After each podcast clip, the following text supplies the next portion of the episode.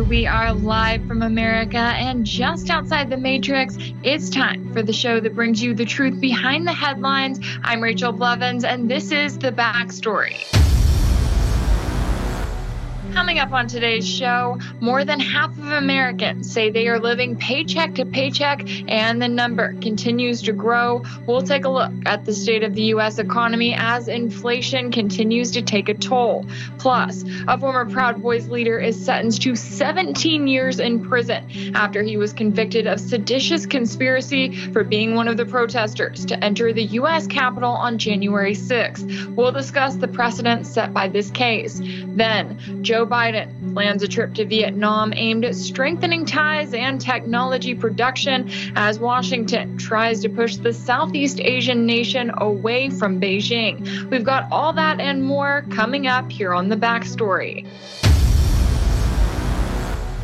Welcome to the show. It is Thursday, August 31st, 2023, and the latest data is in. I'm, of course, talking about that relating to the U.S. economy. Well, it shows that here the economy grew at a 2.1% annual pace from April through June of this year, despite higher borrowing costs for consumers and businesses. In fact, reports noted that U.S. consumer spending, which was up around 0.8% last month, increased by the most in six months in July as Americans bought more goods and services but slowing monthly inflation rates cemented expectations that the Federal Reserve would keep interest rates unchanged next month. But of course, inflation is still a significant problem, and even Joe Biden admits that, as we heard him say in a recent clip. Let's take a listen to what he had to say on the one year anniversary of the Inflation Reduction Act. Two weeks ago, we celebrated the first anniversary of the Inflation Reduction Act, which, in a sense, is misnamed. We did lower inflation, but there are many other things in that legislation all in the name and funny that they are celebrating the one year anniversary of it. I guess maybe that's one of Biden's achievements that he needs to hold on to. And the reality is that just because Americans are spending doesn't necessarily mean they have the means to do so. As a new report from Lending Club finds that 61% of adults in the US are still saying that they are living paycheck to paycheck. And that number has increased from last year when it stood at 59%.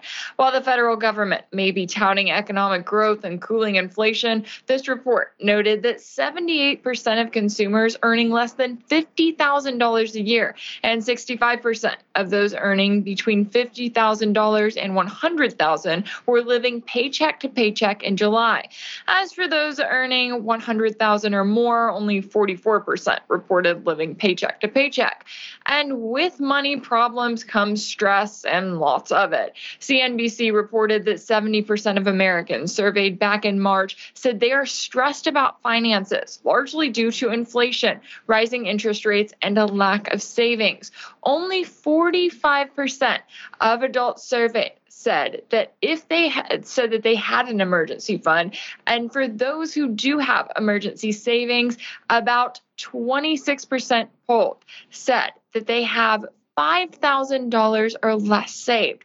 And to think of the average family, when you're talking about an emergency, you're talking about a car breaking down, you're talking about something health related. I mean, you were talking about an emergency that could cost thousands of dollars. And to be in a situation where Americans are in a place where they have less than $5,000 saved. When, when they say that they're living paycheck to paycheck, that means that they are not prepared for some kind of major emergency.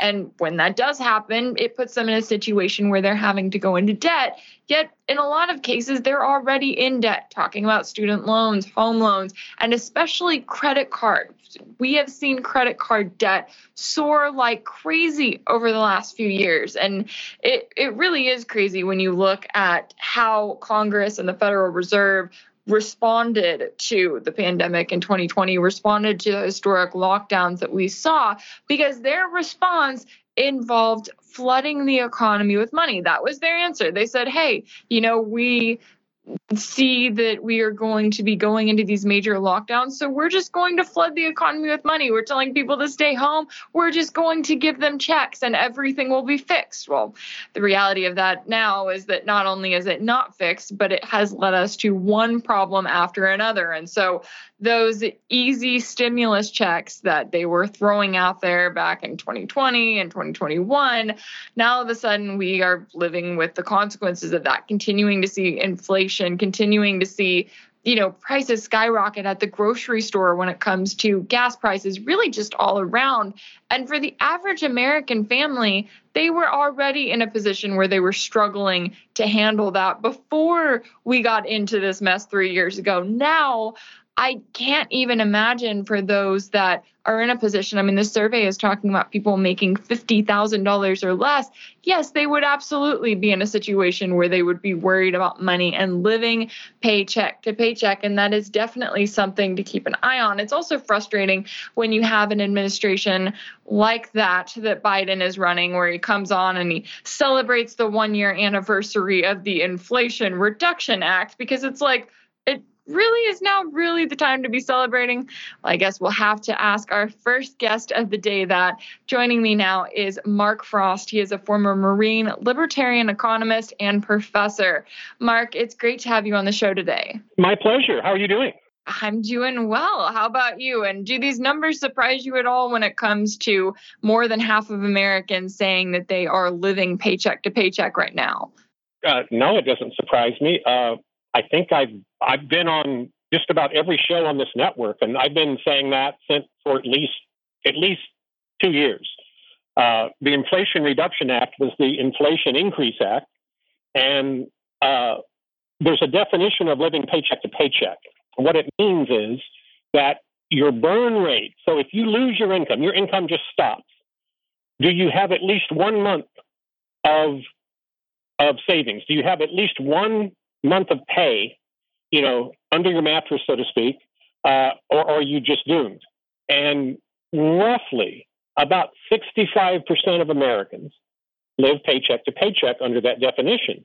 More alarmingly, what I think is fascinating, about 50% of people that make over 100,000 uh, that make over $100,000 a year live paycheck to paycheck. You know, their income is than than the median income, but but they spend more they have higher rent, they have better cars, and they are on thin ice just like everybody else.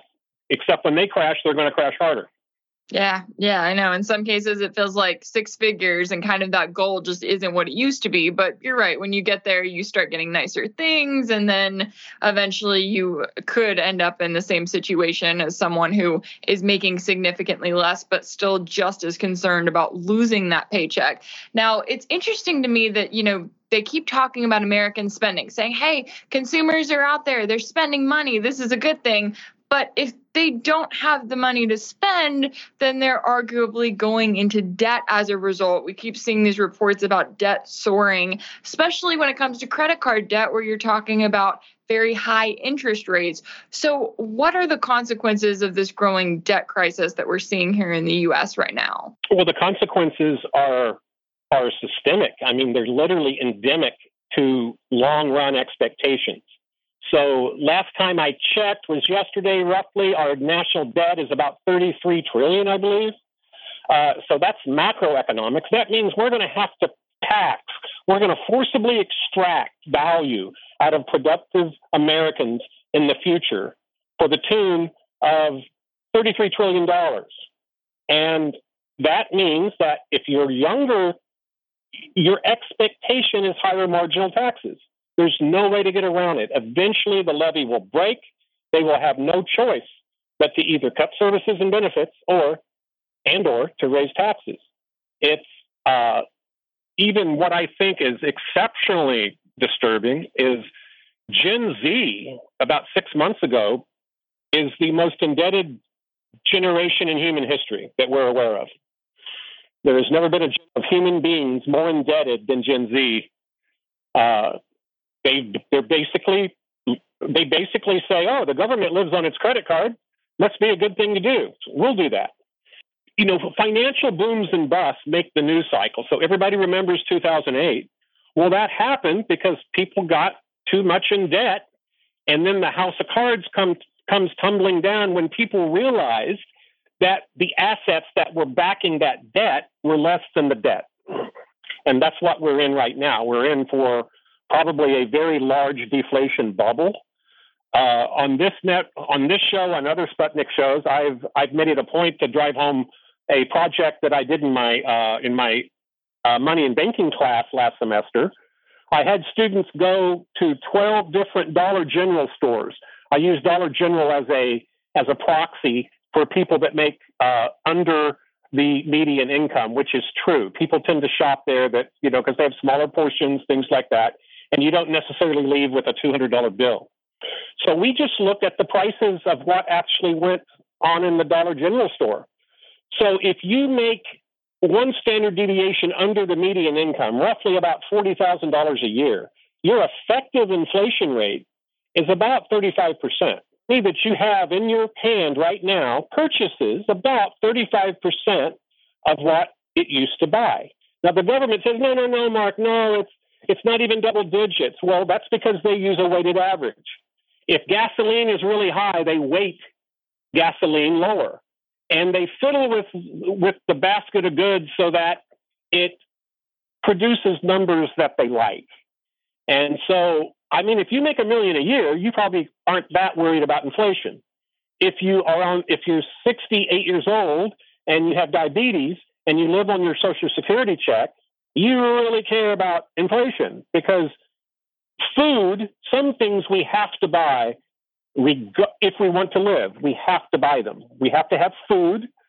Uh, most people find they need electricity, and most people find they need transportation. And when you factor those costs in, it's been a massive tax on the poor and the working poor. And I always thought Democrats didn't like that. And I don't know what's happened to that party. I've been a Democrat more than I've been a Republican in the past. But today's Democratic Party is just evil. I don't have anything good to say about it. I don't have anything good to say about the people. I don't have any good thing good to say about their advocates. They're war, as as Tulsi Gabbard called them, they're woke warmongers. And I've never seen anything like it in my entire life. I'm glad I'm an economist, that I'm an economist and not a political scientist.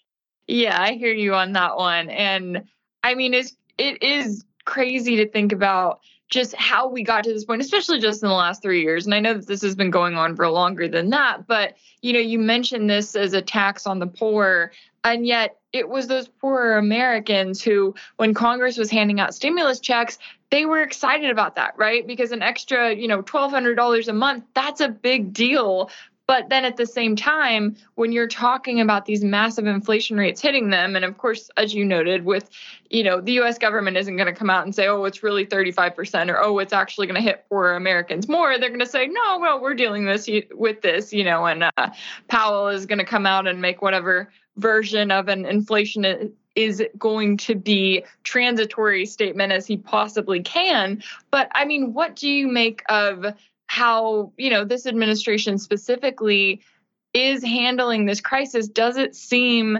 like they are almost just thinking that they're going to be on office for four years so they're going to deal with it for four years and then just hand it off to the next guy?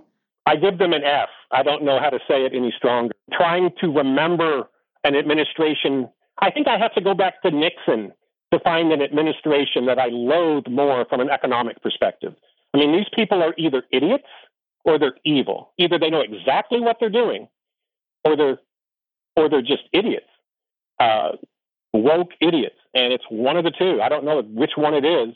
On a bad day, I think it's this big conspiratorial thing, and then on another day, I'm thinking, well, maybe they're just incompetent. They don't know what they're doing. But certainly, I can't think of one thing the Biden administration has done from a macroeconomic perspective that I agree with. I'm, I'm, there has to be something that I, that's obscure that I'm not aware of. But certainly, in all the major points, everything they've chosen to do, I think they've done the exact wrong thing to do. Uh, I was never a big giant fan of Trump, but if you're going to be objective and you're going to compare the two administrations, it's clear that minorities, inner city people, uh, the working poor did an order of magnitude better than uh, people are doing than those same people are doing now under Biden. Uh, Biden has decided he's going to finance his woke agenda on the backs of the working poor and the middle class. And again, he's either incompetent and doesn't realize he's doing that, or he knows exactly that he's doing that. Yeah, it's sad when it gets to that point of either they just don't know or it is actually a, a very evil approach to it. Now, speaking of someone you probably know a lot about and someone I'm guessing you probably don't agree with when it comes to his policies. But Federal Reserve Chair Jerome Powell, when he's speaking out, he's saying that inflation remains too high and he's warning that more interest rate hikes are still possible, even as the Fed's key interest rate is at its highest level in more than 22 years. Now, I know he's not going to admit that the Fed flooding the market with money helped get us into this mess to begin with, but is there anything we can expect from this Fed specifically, even if, as you say, it is the exact wrong thing? I don't know what we can expect from this Fed because they look weak, and ineffective, and they look indecisive and schizophrenic. They can't decide what they want to do. And I'm going to argue Powell's probably the worst Fed chief we've had in my lifetime. I, uh, he might even be the worst Fed chief ever because the Fed was established via the National Banking Act in 1913. By the way, it was the worst year in American politics. 1913, the National Banking Act was passed, and the 16th Amendment was passed. So, uh, not a great de- not a great uh, year for people that like individual freedom. Uh, anyway, the National Banking Act gave the Fed a mandate, a threefold mandate. One, be a lender of last resort. Two, fight inflation. Three, promote full employment. It's impossible. Let me say it with emphasis to, for dramatic effect. It's impossible to do all three at the same time. You have to pick a tragic choice. What is the what is the worst demon? Inflation or or a recession or even a depression? And the Fed keeps vacillating between this and that. So so when they hear that, oh my goodness, some banks have gone under and some some corrupt you know greedy banks have gone down and we're going to have a too big to fail domino problem. So let's quit fighting inflation and let's flood and let's flood the banking system with money. And then they start saying oh we got to fight inflation. And this is why i say they fight it on the backs of the poor. Let, let's look at this stupid war we're fighting it fighting. We're fighting it with borrowed money. We're borrowing money so that we can spend goods and services and technology to another country. Imagine if your spouse or significant other came home one day and said, "You know what? I didn't pay our rent and our and I didn't pay our kids' tuition, and it's because I sent the money to uh, to some people I don't even know off in Thailand or something." I mean, you would think they were crazy. And so I think what has happened here is this war that we're doing is inflationary by definition because we didn't raise taxes to pay for it. When you print money, that causes inflation. Inflation is the most simple thing to understand in the world. It's the value of money. If you double the quantity of money, its purchasing power drops in half. It's that simple. It's the most simple equation probably in all of economics. And it's a very simple thing to understand.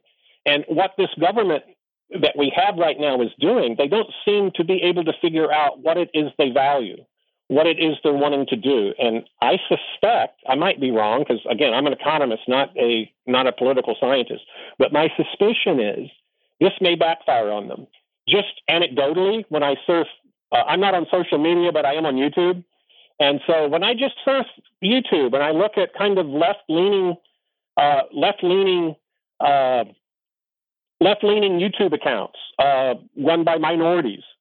They're changing. There seems to be, this is anecdotal, so I haven't measured it, but there seems to be a changing of judgment from the people that used to support Biden.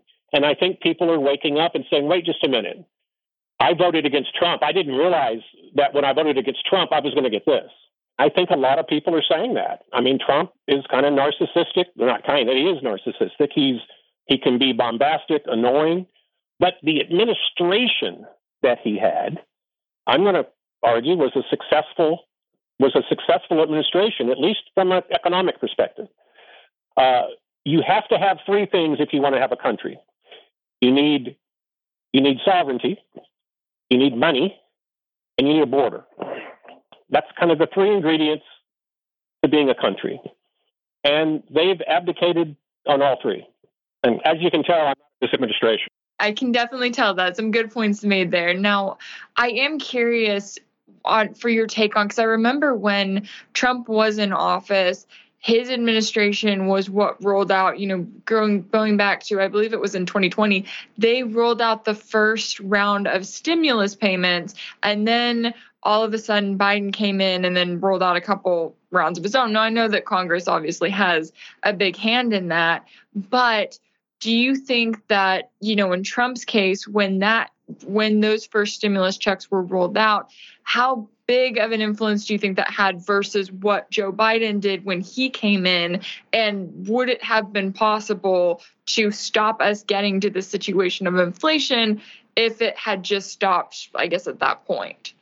In retrospect, every I anytime I watch mainstream media, what I hear them say is the pandemic caused this, this, or that. The pandemic caused a supply chain issue. The pandemic caused no, it didn't. The pandemic didn't cause any of that. What caused those things was our reaction to the pandemic. Now, there's a reason I'm not on Twitter anymore, and it's because I got I got put in Twitter jail.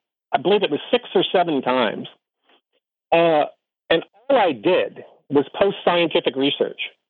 So SARS-CoV-2 has been around for three decades. We have rich, rich, rich data sets on SARS-CoV-2. We have natural experiments with SARS CoV 2, where some countries wore masks and some countries culturally didn't. We had great data to forecast accurately what SARS CoV 2 was going to do. Well, guess what? When you get COVID 19, you don't get COVID 19 unless you have SARS CoV 2. It's the base virus. Back in some back in spring of of 2020, I even caught flack on fault lines. They didn't even like what I said. I'm like, this pandemic either people are overreacting or it's a plan. It's literally a conspiracy. Or people are overreacting because the best, there's no way the infection rate is going to be 10%. All the epidemiology models, mathematically, I'm not even sure the people that do them understand mathematics. And so I delved into it hard. And I'm like, okay, the infection rate isn't going to be 10%, meaning we're not going to have this massive swarming of the hospital system where we have to have this big institutional power uh, uh, push the curve down so we so we keep the burden off of the medical system. For the vast majority of people, this is going to be like SARS-CoV-2. The vast majority of people, and I say the vast majority, I'm talking in the 98 percentiles. Uh, and if you use conditional probability, uh, if we know the people are healthy and don't have, you know, uh, any intervening you know, variables within their health, uh, you know, situation, the probability of dying of COVID 19 was incredibly low. So Trump, I think Trump's biggest fault was listening to Fauci. I think Fauci made Trump this. Trump loves affection. Trump loves approval. And I think Trump made a bad decision. I criticize Trump for that. I'm not a big Trump fan. I'm going to vote for him, but because the choice is him or Joe Biden. It's a no brainer to me. Anyone that votes for Joe Biden is either an idiot or they actually want what's happening to happen. It's, it's by, they approve because they like what's going on. And uh, that's my problem uh, with that. And that's the mistake Trump made. They also didn't focus on the little guy and they focused on shutdowns and things like that. We put more small MAPA businesses out of business through our policies. Pandemic isn't what's done all the damage. Uh, in class, as a professor, I'm starting to get 18 year olds that were in high school during this, and they can't add two plus two hardly. It nukes them to, to learn that you have to, that, that you can add an X to each side of the equal sign. We've lost, we've retarded an entire generation and the and the ramifications of that 5 10 20 years hence are going to be costly and profound. The effects of just really everything we've done and i think that that goes towards economic policy and as you noted that goes towards lockdowns that goes towards i mean just about everything that the government instituted in response. It's like we're we are going to be dealing with that for years and years to come and it's really unfortunate. And you're right people like you who were speaking out about that in 2020 there were plenty of people to say no you're crazy but how many of them have come back around to say, yeah, okay, you were actually right. Uh, I, I don't know that too many of them are as loud about that as they would be about the fear mongering that they had at the time. Now, I do want to shift gears a little bit and get into uh, continue this kind of Trump versus Biden, what's being said, because Trump is, of course, weighing in on Biden's policies. And in this latest segment, Trump is specifically talking about electric vehicle ma- mandates, but that, of course, goes to a lot of other things as well. So let's take a listen to this clip really quick, and then I'll get your response to it. Electric vehicle mandate. That's how bad this policy is. Your union heads know it, but the union bosses don't want to do anything about it because they're not leaders. But you know who's voting for me? The people in the union. Yeah, the union heads and the crooked Joe keep using the phrase fair transition. There's no fair transition. First of all, people don't want the electric car, and the ones that want it should get it. But we want to have all forms of transportation and all forms of motorization to describe this unnecessary forced transition to electric vehicles. But there's no such thing as fair transition that destroys over 100,000 auto manufacturing jobs. It'll be much more than that wastes tens of billions of dollars that should be going to the workers, and makes new cars entirely unaffordable for the middle class. That's a transition to hell. You're going to hell, and your bosses are leading you right down the tubes. You shouldn't pay your fees. They get these big fees from all of their workers, and it doesn't matter how bad they are, they'll endorse a Democrat, even though the Democrat's selling you down the tube. All right, Mark, what is your response to what Trump had to say there? Obviously, I pretty much agree with all of it. I like to look at numbers and data, and I like to run hypothesis tests, and I like to know what I know primarily because I've measured it. The argument, yeah. this quick mass switch to EV vehicles, every time I talk to somebody about this or I debate them, they don't know anything about electric vehicles. It's a religion. They drank the Kool Aid and they think that electric cars are going to be the salvation of everything. And there's a strong argument to be made that electric cars are worse for the environment. Uh, unless you're going to go to nuclear energy, unless you're going to do all that, you still have to deal with the batteries themselves. Uh, uh, all over the country, insurance companies are dropping people that have that have put in charging stations in their home and have electric vehicles that don't have detached garages because guess what? When the batteries get hot, if there's something goes wrong with the software, I think iPhones have put a lot of effort into making iPhones stable, but guess what? They crash now and then. And then if that particular governor uh, uh, software that, that, that keeps the charge from going too strong and from going too long, if that breaks down, the batteries catch on fire. It takes about 20, it takes about five to 10 minutes to put out a gas a fire in a gas car. Takes anywhere from four to five hours to 45 days to put out an electric fire from from the electric batteries because they carry their own oxygen. you know, they giant problem that we have. And if you look at the horror stories of people, uh, my neighbor just bought I forgot the brand, but it was a, it was a Chevy something, and they were all excited. They went to to take it on a trip, and the battery went completely dead because they couldn't find a charging station that was compatible with their particular car. And because the battery went dead when it charged, it it broke the battery. So they had to have it towed all the way back to their house. Then when they were charging it at the dealer, it caught fire. and wow. I don't know what they're doing with their car. I guess it's under warranty or something, but that's my point. This just electric doesn't mean it's green. You still have to uh, you still have to get the energy into the battery. Secondly, guess what is a horrible storage? Guess, guess what's a horrible way to store energy? Batteries. What happens if you leave your phone in a drawer for a few days? The battery goes down. It doesn't say charged. And it's the same way with electric cars. And whether people like it or not, I know it makes the, the left foam at the mouth, but the biggest bang for our including environmental concerns is fossil fuels. That's uh, interesting. I appreciate the fact that you've always got some uh, counterpoints there to the narratives that's, that is being put out there. Now, finally, I want to ask you about when it comes to the upcoming election and everything that we're looking at there. You know, you mentioned there when you're looking at Trump versus Biden, and of course, we, I mean, there are third party candidates. I mean, my hope personally is always that we'll see third party candidates rise more and get more attention because I'm sick of dealing with just Democrats versus Republicans and running in this constant circle. But let's say that we're looking at Trump versus Biden. You know, you were talking about there how for you, you're looking at the economic policy. You're not necessarily looking at the personalities or, you know, who you like more on a personal level. You're looking at what they're actually doing. Do you think that American voters are in a place where they're focusing on the policies at hand and will vote as a result of that. Yeah, I do. Uh, with the disclaimer again, this is a little bit out of my wheelhouse, but uh, given my, you know, kind of analysis of it, I think that that's, I think that's very true. I think a lot of people. Uh, I don't know if you ever used to watch the show called House. It had a caustic, narcissistic physician that would figure out what's wrong with you, but he made you feel horrible. But if you wanted to live, he's the guy you wanted to go to.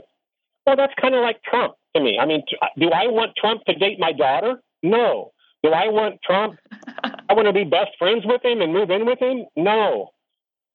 Given what has to be done to preserve Western civilization, am I willing to? T- maybe what we actually need is a street fighter that that counterpunches. And I think a lot of people like Trump for the specific, not that they like everything he does or says, but they like the fact that he fights back. He doesn't just roll over like a dead dog and say, kick me, kick me, kick me. And that's what the woke is used to having people do. I see it in the university all the time. I mean, it's everybody's terrified. Oh, you know, over at Georgia Tech, the math department got attacked over two plus two equals four. It's a, it's a, you know, mathematics is racist because it was invented by dead white men. Uh, so that they could oppress marginalized people. It's mathematics, for goodness sakes. It's the language of science. And I'm defensive of it because if you can control the language of science, you can control science. And I don't, I don't want anything to do with it. And it has to be stopped. And if what we need is a, is a street fighting, you know, caustic mouthed person who's going to go in and not literally, but figuratively speaking, crack some heads reform the deep state, uh, put America first, uh, make Americans realize that we can't. There are, as Thomas, as the great economist Thomas Sowell said, the problem with most Democrats is they're idealists, and the problem with being an idealist is there are no ideal solutions to any public problem, not even one. There are only trade offs. That's why economics is sometimes called the science of tragic choices. You have to get something to get something else. If you want a loving monogamous relationship, you have to give up other women or other men or whatever your thing is. Same way in economics. You got to give up something to get something else. The Fed doesn't understand that. Biden doesn't understand that. The Treasury Department doesn't understand that. Uh, Homeland Security doesn't understand that. The Department of Energy, the Department, uh, you know, they don't understand that. It seems the entire left. Used to the used to the woke were were this weird little corner of of the academic world, uh, and nobody took them that seriously. They were almost like the Ku Klux Klan that would kind of you know they would hover around Republican circles and stuff like that, and the, the that way too. Now it seems like to me every person that is a avid Democrat has turned woke, and woke yeah. with Elon Musk uh, uh, it's a it's a virus that if it's not stamped out and soon, everything we value in civilized society is going to end. And uh, I want to stop that. I've chosen in the academic world to not bow down to the woke people who want me to apologize. I don't apologize. Mm-hmm. Pronouns that are on the registrar's report and if they want to be called something special, I send them to the registrar. Uh, I yeah. That's the problem that we have in this society today. Everybody's terrified of being called some kind of bigot. Well, call me anything you want. Uh, since I've been since I've been doing this this uh, network, I guess for I think I've been doing it about five years. Uh, I get the Russian asset thing all the time. Oh, you're, you're Russian asset, which is hilarious uh, because Russia. Uh, I don't want anything. I don't have any ill will toward them, but I don't care. Yeah.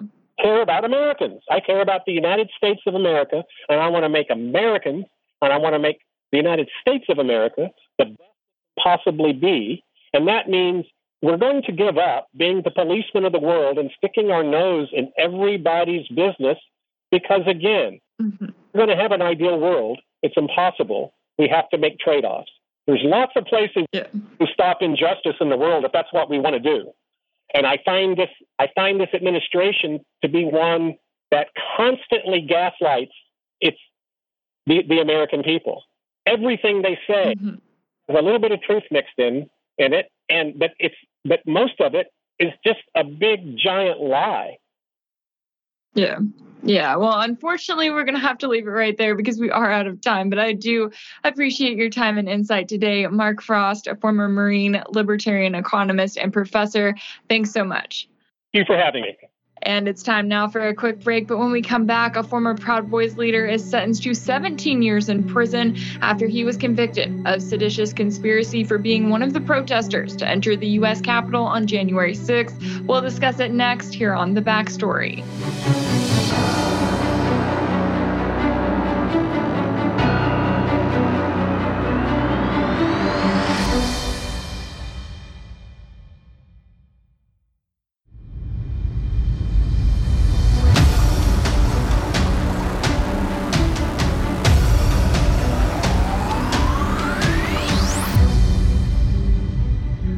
Welcome back. I'm Rachel Blevins, and this is the backstory. So, if two impeachments and four indictments aren't enough to deter the public from voting for Donald Trump in 2024, there are still those out there who hope that they can get his name removed from the ballot altogether.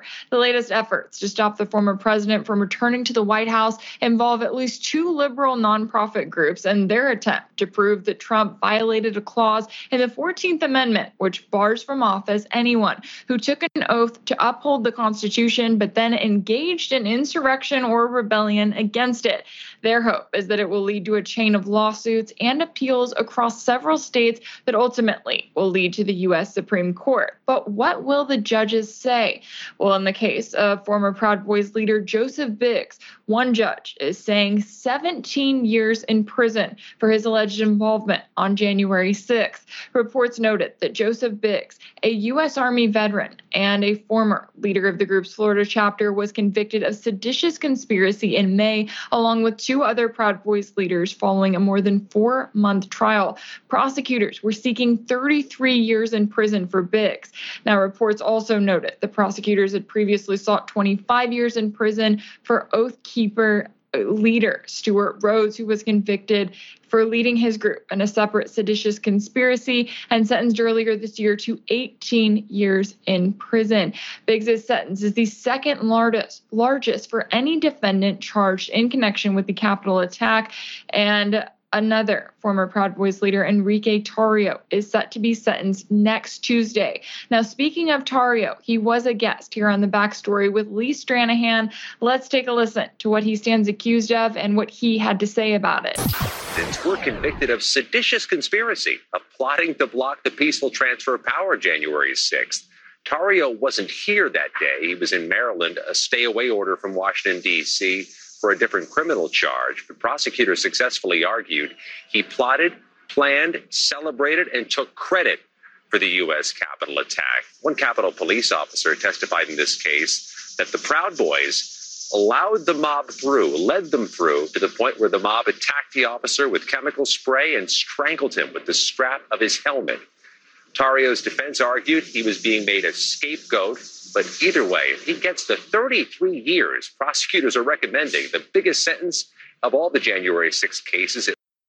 They've tried. They've they basically tried to destroy me so many times uh, financially. I don't. I don't. I don't mind that. I don't care about that. They could try to do that. I'm not going to stop. The Proud Boys aren't going to stop. Uh, with the Biden administration, the Proud Boys uh, cause is going to remain true. You know, we'll see what happens, but uh, I generally think that it's going to go past that. Especially if we saw, if we go back to what they did to Roger Stone, he's her and Kamala. I mean, him and Kamala are going to go after us one way or another. And you know what? If they put me in chains, Lee, then by all means, that's fine. Uh, I'm going to keep fighting. I'll fight from the inside. Well, Enrique, and we will be keeping an eye on Enrique Tarrio's sentencing as it is now scheduled for Tuesday, September 5th. We are hoping to speak to a member his, of his family that day, so do stay tuned to our coverage. Now let's turn to our next guest to get his take on all of this. Joining me now is Jim Hoft, founder of the Gateway Pundit. Jim, it's great to have you on the show today. Oh, it's good to be with you. Thanks a lot. Now, let's start with the sentencing of Joseph Biggs 17 years in prison. I know that you've been following this case. So, what was your reaction to the sentence, and how is such a long sentence justified here? Well, I, I certainly don't believe it's justified. And uh, for the record, uh, this is breaking news, but the second Proud Boy who was going to be sentenced today, Zachary Rehl, uh, the court just decided that he will get 15 years in prison for these, um, as I call them, garbage, um, seditious conspiracy charges that they threw against this this young man, this father, and this uh, veteran Marine. So Zachary Rehl was just um, sentenced to 15 years. Joe Biggs earlier to the 17 years. Um, they've been after Joe Biggs for years. He was a member of the Proud Boys. Um, I believe they were set up. We reported at Gateway Pundit, and I think it's it's it, it's important for your listeners to understand part of uh, what happened here, and that is the Proud Boys were uh, infiltrated by FBI informants uh, for months and years before January 6th. We know that there was one Proud Boy who actually we have video of. I just tweeted this out. Who uh, was an FBI operative, and he was um, uh, dur- during the uh, insurrection, they call it, during January 6th, he's caught on film uh, raising this this uh, metal door, and he's like one of the first ones coming in the U.S. Capitol. This was actually a FBI operative. Um, I also know, and we reported on this, and uh, th- that the FBI had infiltrated their chat group. This is where the FBI got a lot of their evidence for this seditious conspiracy it was actually an FBI operative that planted this document in the chat group that they then used this document during the trial of these men, these five men, and they used it as evidence that they wanted to take over the Capitol. It wasn't even their document. Uh, we don't know if any of them opened this document and read it in the chat group, um, but it was put there by uh, who we believe is an FBI operative. Um, it wasn't even a Proud Boy who put this in there. So I think they were set up. I'm very disappointed about it. I think it's frightening. Uh, and to top it all off, today um, in the courtroom, uh, they they they had um, Zachary Rehl go through this struggle session where he went up and he cries before the court. He condemns, you know, his own actions. He's trying anything he can so that he won't uh, end up uh, in jail and prison for 50, you know, 20 or 15 years until he's over 50 years old. Um, and so they, they made him go through this and then they still gave him 15 years. I don't understand how um, Americans can sit back and allow this to happen in our country. If they look at the facts, if they see what happened, Zachary Rehl was one of three or four members who were with the Proud Boys who walked in the Capitol that day. There's actual video of them inside the Capitol helping the police, um, uh, defending the police, um, keeping the police safe. And um, that's the video that they did. They didn't just, you know, they didn't break things. They didn't go in and, you know, tear up the place. They walked in for a few minutes.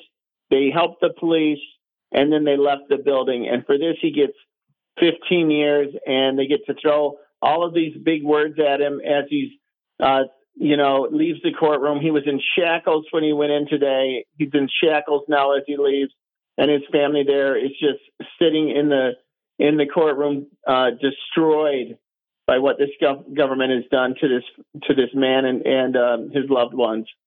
That is just devastating. And I appreciate the update on Zachary Rehl's case there. You know, in the case of Joe Biggs, I did not know him personally. I did talk to him a few times when I was uh, on RT America and he was a guest who came on regularly. And I, I believe we talked to him specifically about policing. And that was a big, you know, topic that we talked about was really at the time the politics of police and everything surrounding that. And, you know, to see a case like this where he's hit with this charge of seditious conspiracy for a veteran.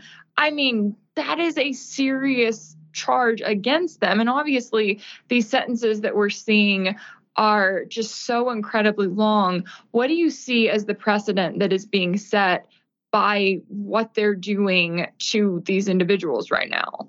Oh, yeah, absolutely. I think this is something we've never seen that I'm aware of in America. Maybe, my, maybe I just wasn't uh, you know, awake enough to to to uh, understand what's going on. But um, this certainly is a precedent for every conservative. Um, it's you're in danger now if you, it, it, it, no matter what, really, because these charges, I think there's just no basis in fact at all. There is nothing there. These men did not go to Washington D.C.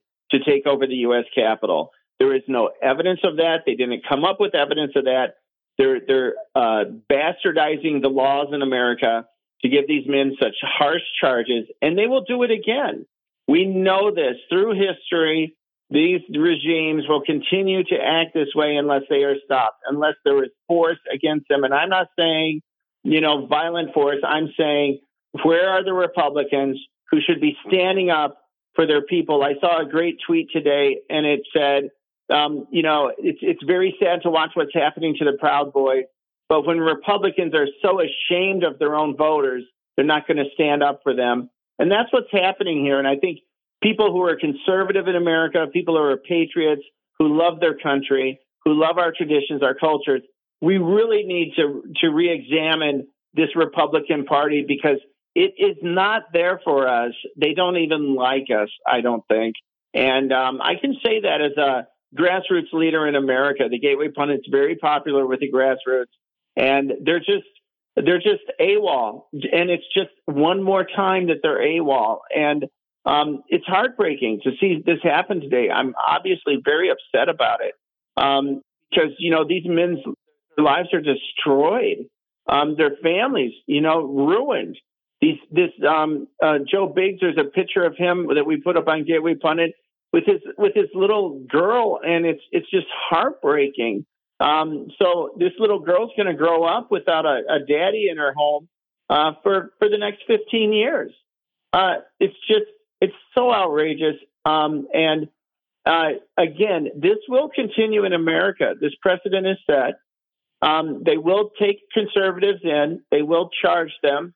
They're still arresting people who went to January 6th protests. They're still arresting them. Um, I'm going to talk to a man tomorrow. He's from Missouri, where I'm from. And uh, he was dressed as George Washington. He walked in the U.S. Capitol. He talked to the police. He turned around and he walked out, um, committed no violence like um, 95% of the people that day.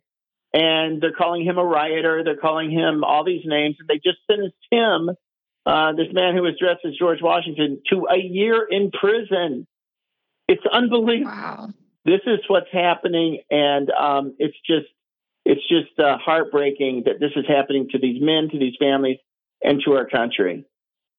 Yeah, it really is. And I mean, I was living in Washington, D.C. at the time when January 6th happened. And I remember in the weeks after, they were putting pictures of the people who were just protesters there. They were putting their pictures on bus stops on wanted posters.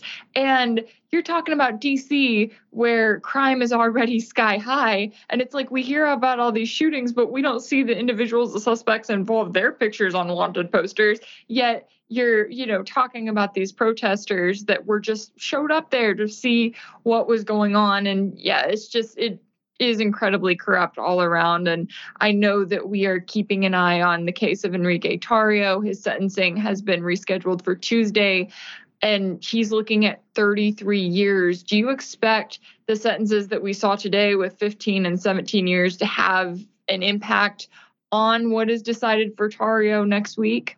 I think they'll probably add more years on Tarrio's sentencing. Um, they're asking for 33 years. Uh, again, these are animals who would do this.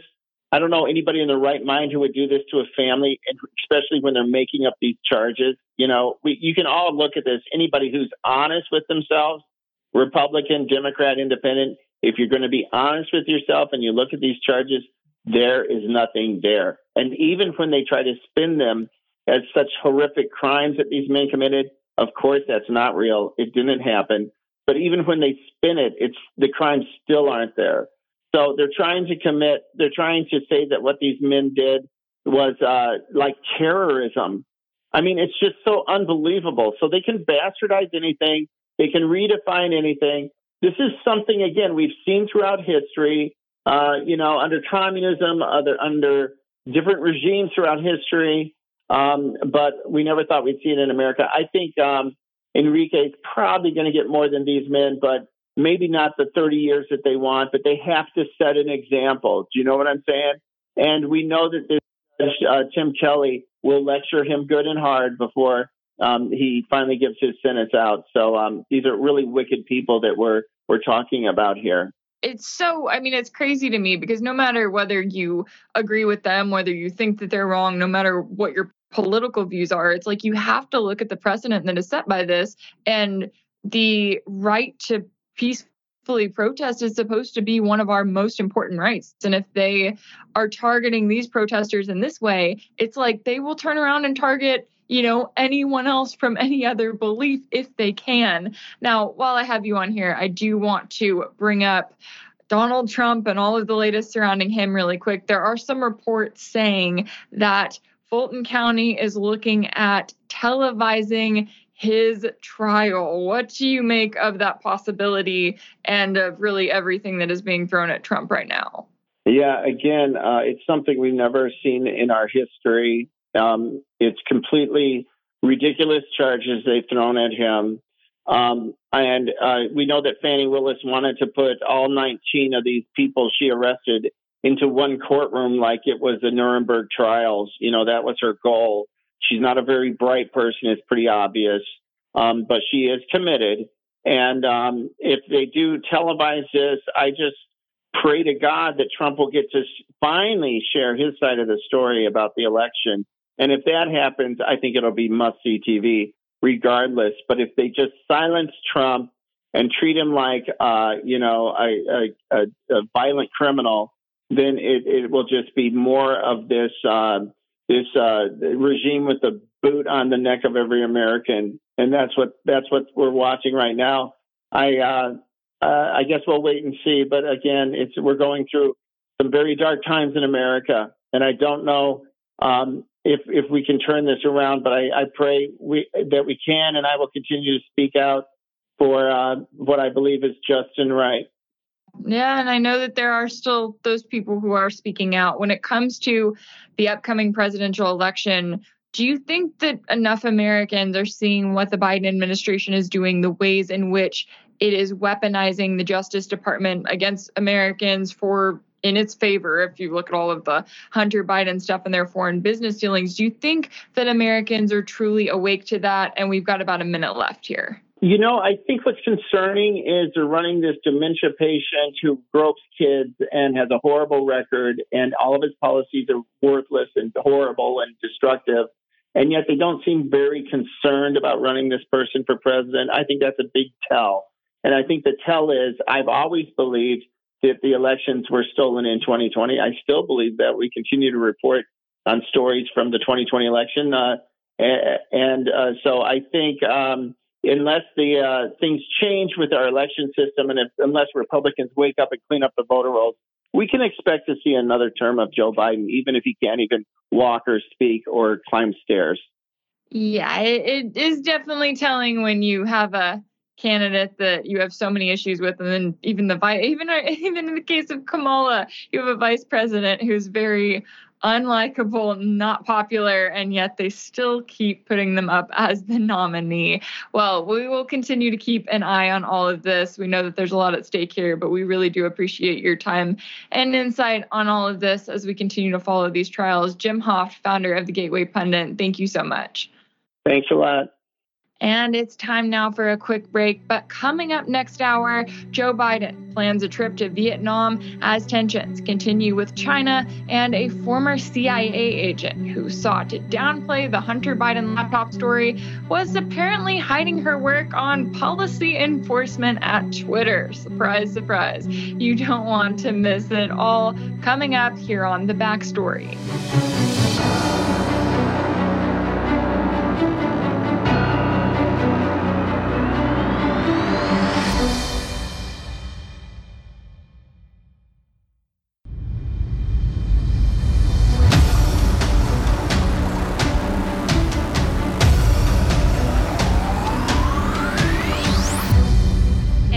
We are live from America and just outside the Matrix. It's time for the second hour of the show that brings you the truth behind the headlines. I'm Rachel Blevins, and this is the backstory.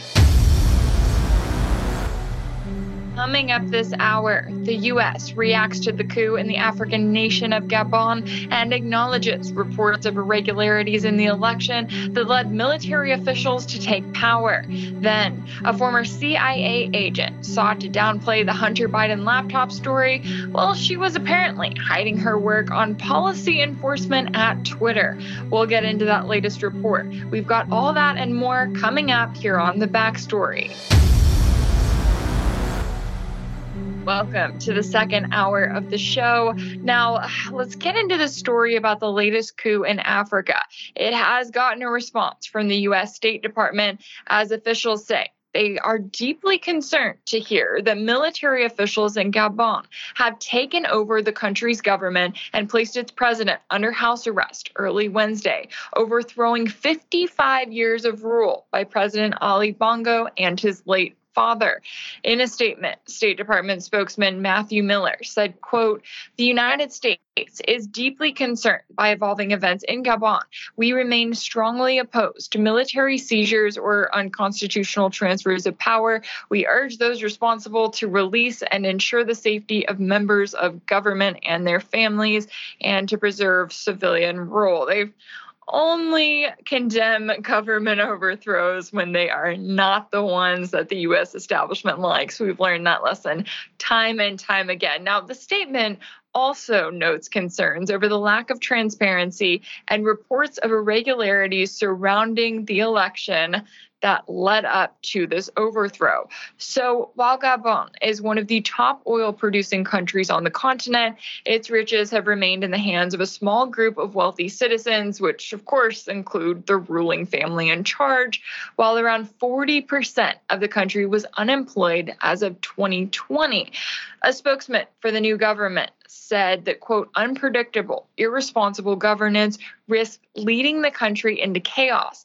In a later statement, the coup leaders said that people around the president had been arrested for high betrayal of state institutions, massive embezzlement of public funds, and international financial embezzlement. I know there were a few videos going around on Twitter or X showing suitcases of cash and the likes that were being found in from individuals rather who were connected to the lead Bongo family. Now, nine members of Bongo's family are under criminal investigation in France for embezzlement and money laundering. But of course, France still wants to have the control over who is in power. Now, the country's largest airport and port both stopped activity on Wednesday, according to reports. And the United Nations Secretary General, and speaking of France, also France, uh, the country's former colonizer, have condemned the government takeover there. We've seen a lot of condemnation coming from Macron specifically when it comes to the situation in Niger. So we will continue to keep an eye on the situation there on an, and on any changes that do happen. Now, meanwhile, another country in Africa that has undergone a recent military takeover will soon see UN sanctions removed thanks to Russia. All UN sanctions against Mali will end on August 31st after Russia vetoed the proposal by France and the UAE to have them extended. Moscow's ambassador to the UN said that the draft completely disregarded the concerns of both Mali and Russia. The proposal would have extended both the sanctions and the mandate of the UN expert group charged with monitoring Mali through August and September of 2024, respectively. It received 13 votes in the UN Security Council, but failed because Russia voted against it. China notably abstained. France, the former colonial power in Mali, has already withdrawn all of its troops from the West African country at the insistence of the military government there, and Mali has also given some 15,000 UN peacekeepers and civilian staff until December 31st to depart the country. 15,000 UN peacekeepers. That is insane to think about that number there. And of course it's not just in that country but the the roots of the west definitely run deep. Now in a statement to the UNSC Russia's ambassador said quote we hope that in the future sponsors of resolutions will prioritize a pragmatic approach and the interest of the host country in order to avoid unnecessary confrontation in the Security Council especially in the circumstances where a compromise agreement could have been made if certain delegations had the political will to do so. The political will, something that they can't always seem to find. Now, all of this comes and all of this is happening in Africa. There's all of the the west that is keeping an eye on the continent while they're also keeping an eye on Russia, its involvement in Africa, and of course, China. Now, when it comes to all of these key players, next month is going to be a big one as the Group of 20's Leaders Summit is scheduled to be held in India.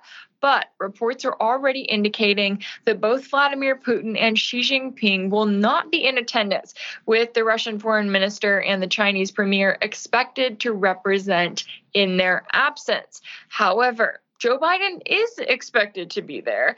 And the White House is now saying that he plans to make a one day trip to Vietnam after attending the summit. Now, this is an interesting dynamic here because in some cases, if you did have Putin, Xi Jinping, and Biden all at the G20 summit, then everyone would be watching to see if they ran into each other, what was said. That's something that always gets a lot of media attention. However, in this case, Biden is still going, and that will be something that we will be keeping an eye on as it unfolds. So let's get over to this plan for a trip to Vietnam. So it's only supposed to be one day. While he's there, Biden is expected to meet with the nation's general secretary and other leaders. The White House press secretary described the planned meeting by saying that, quote, the leaders will explore opportunities to promote the growth of a technology focused and innovation driven Vietnamese economy, expand our people people to people ties through education exchanges and workforce development programs, combat climate change, and increase peace, prosperity, and stability in the region. Of course, what she didn't say there was that Washington is looking to strengthen its regional partnership with Vietnam while trying to keep the country's sights set, well, anywhere but China despite the Biden administration sending its commerce secretary to Beijing this week, where she insisted that the U.S. does not want to decouple from China, Washington's actions continue to tell a very different story. Now, this also comes as the Biden administration has approved funding for the first ever transfer of U.S. military equipment to Taiwan under a program typically saved for sovereign nations. Reports revealed that the package, which was part of the State Department's foreign military finance financing program totals $80 million and will be paid for by U.S. taxpayers because, of course, it will. All right, let's get into all of this with our next guest. Joining me now is KJ Noh, a journalist, political analyst, writer, and teacher specializing in the geopolitics of the Asia Pacific region. KJ, it's great to have you on the show today. Thank you. Pleasure to join you. Now, let's get into this decision by the Biden administration to go to Viet- Vietnam specifically. Why does Biden have his sights set on Vietnam right now as we continue to see those increased tensions between the US and China?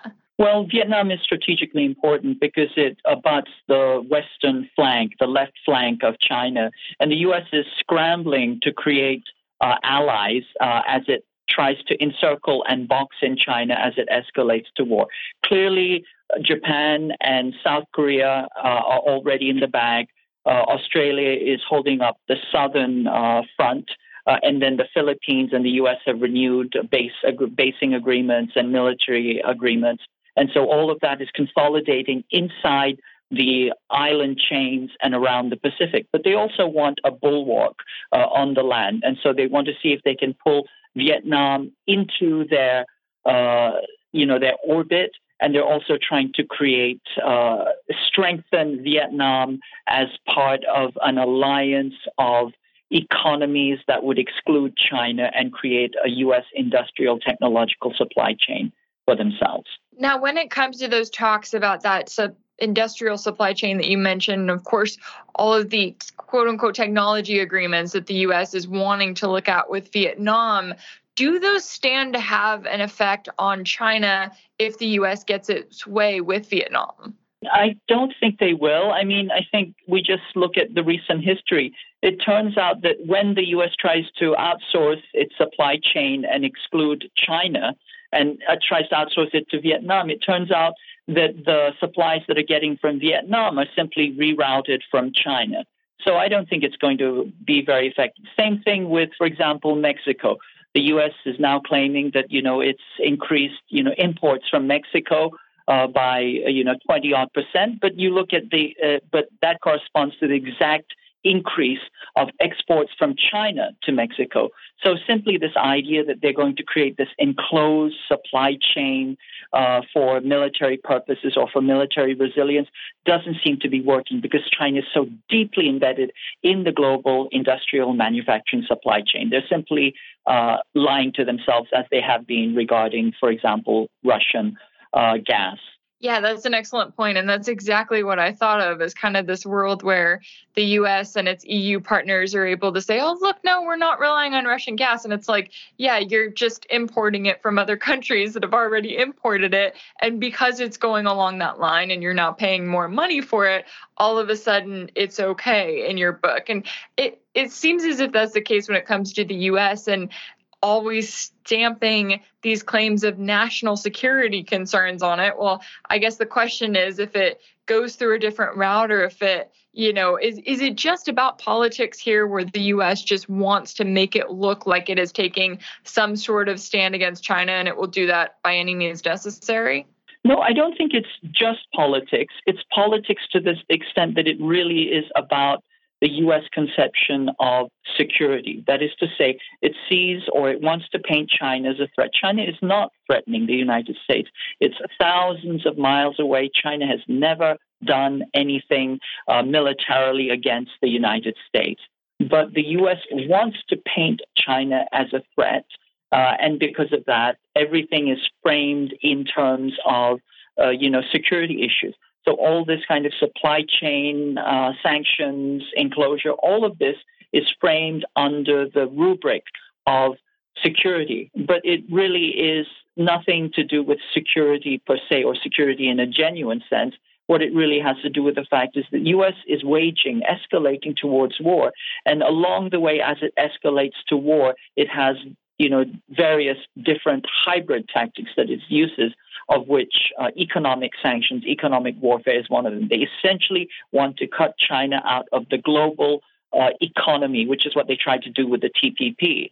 Uh, and now Biden has renewed it, and he's doing it in different ways using the Commerce Department and a whole range of sanctions. For example, the chip sanctions, uh, CSIS, the deep state think tank CSIS, uh, characterizes it, it as strangling China with intent to kill. That is to say, they want to completely cut off China's economic development, technological development uh, completely. They're not. They're not. Uh, you know, um, joking here. This is very, very serious. This is very, very deadly and aggressive.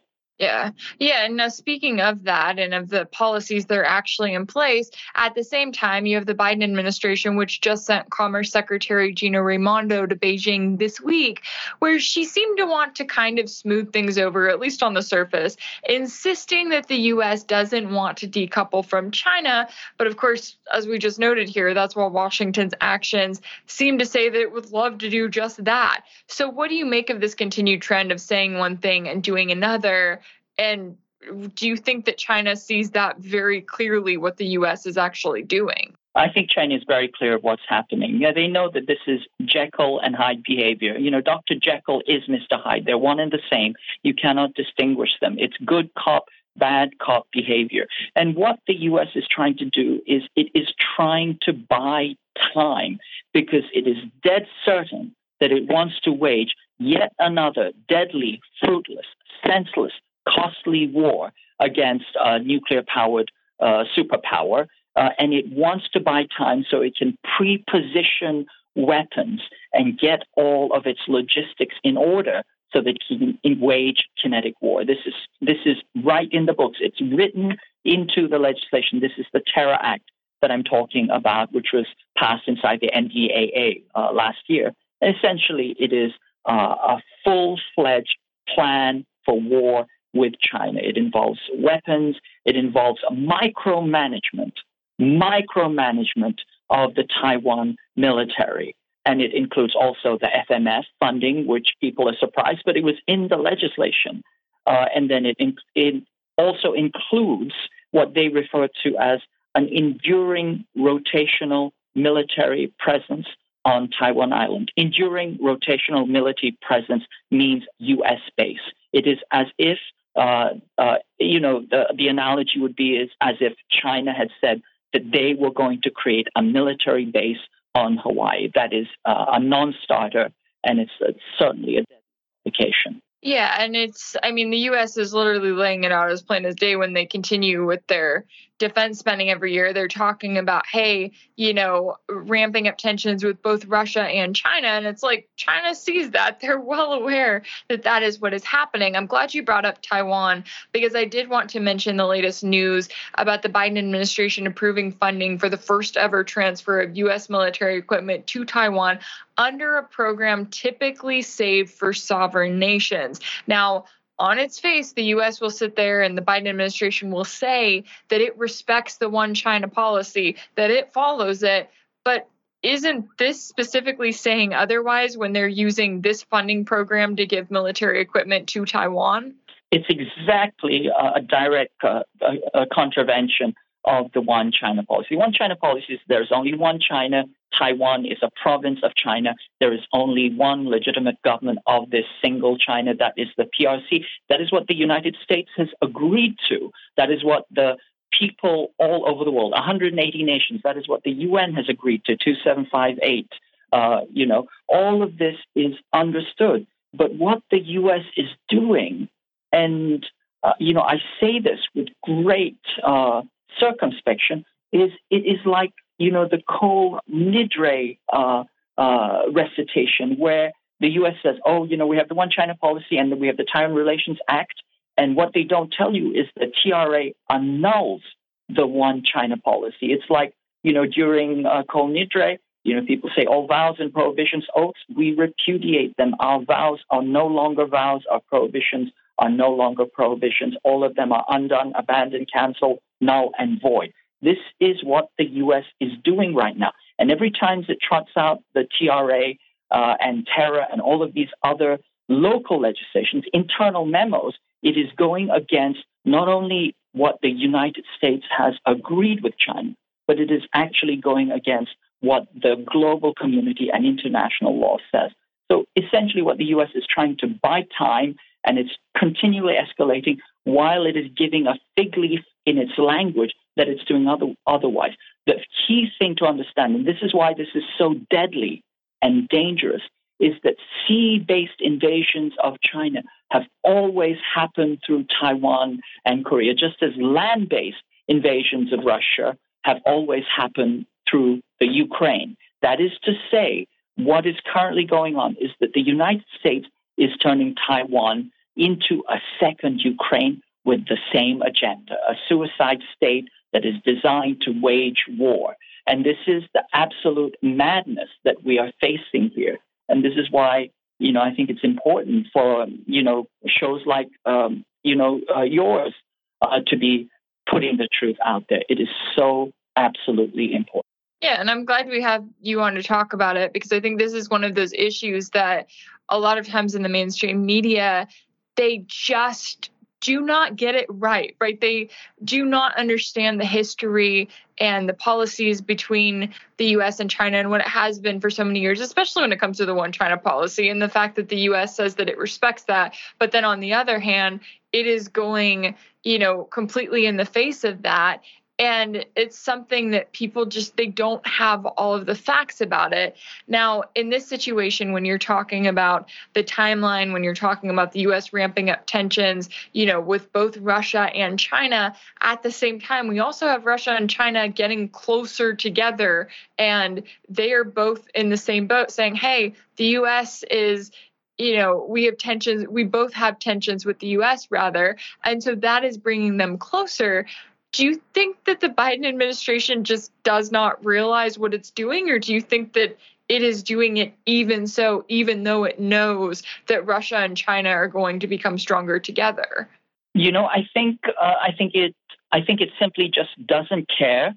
I think there are neocon dead enders who really are, you know, and once again, I say this with all due care. I believe that they are insane. They are so out of it. They're essentially pushing not only Russia and China, which you know every nihilist, uh, realist, uh, you know IR theorist says you should never let that happen. They're pushing Russia and China and Iran together. They're creating the most powerful agglomeration of power uh, in the Eurasian continent, and they still believe that they can win uh, a two front war, an ambidextrous war against the two most powerful nuclear armed states on the planet. This is how far out of touch they are with reality. I think that it's extraordinarily dangerous, it's extraordinarily foolhardy, uh, and I think that simply the ideologues or the inmates are running the asylum. That is an excellent way to put it. And, you know, just looking at where this is headed. And it's interesting because these policies have been in place. And you know when the funding from congress when we're talking about the ndaa and the funding that they put in there it's almost as if the US establishment is on this track and whatever president that comes into power that is in power next is going to have to work really hard to stop that and to take it in a different direction.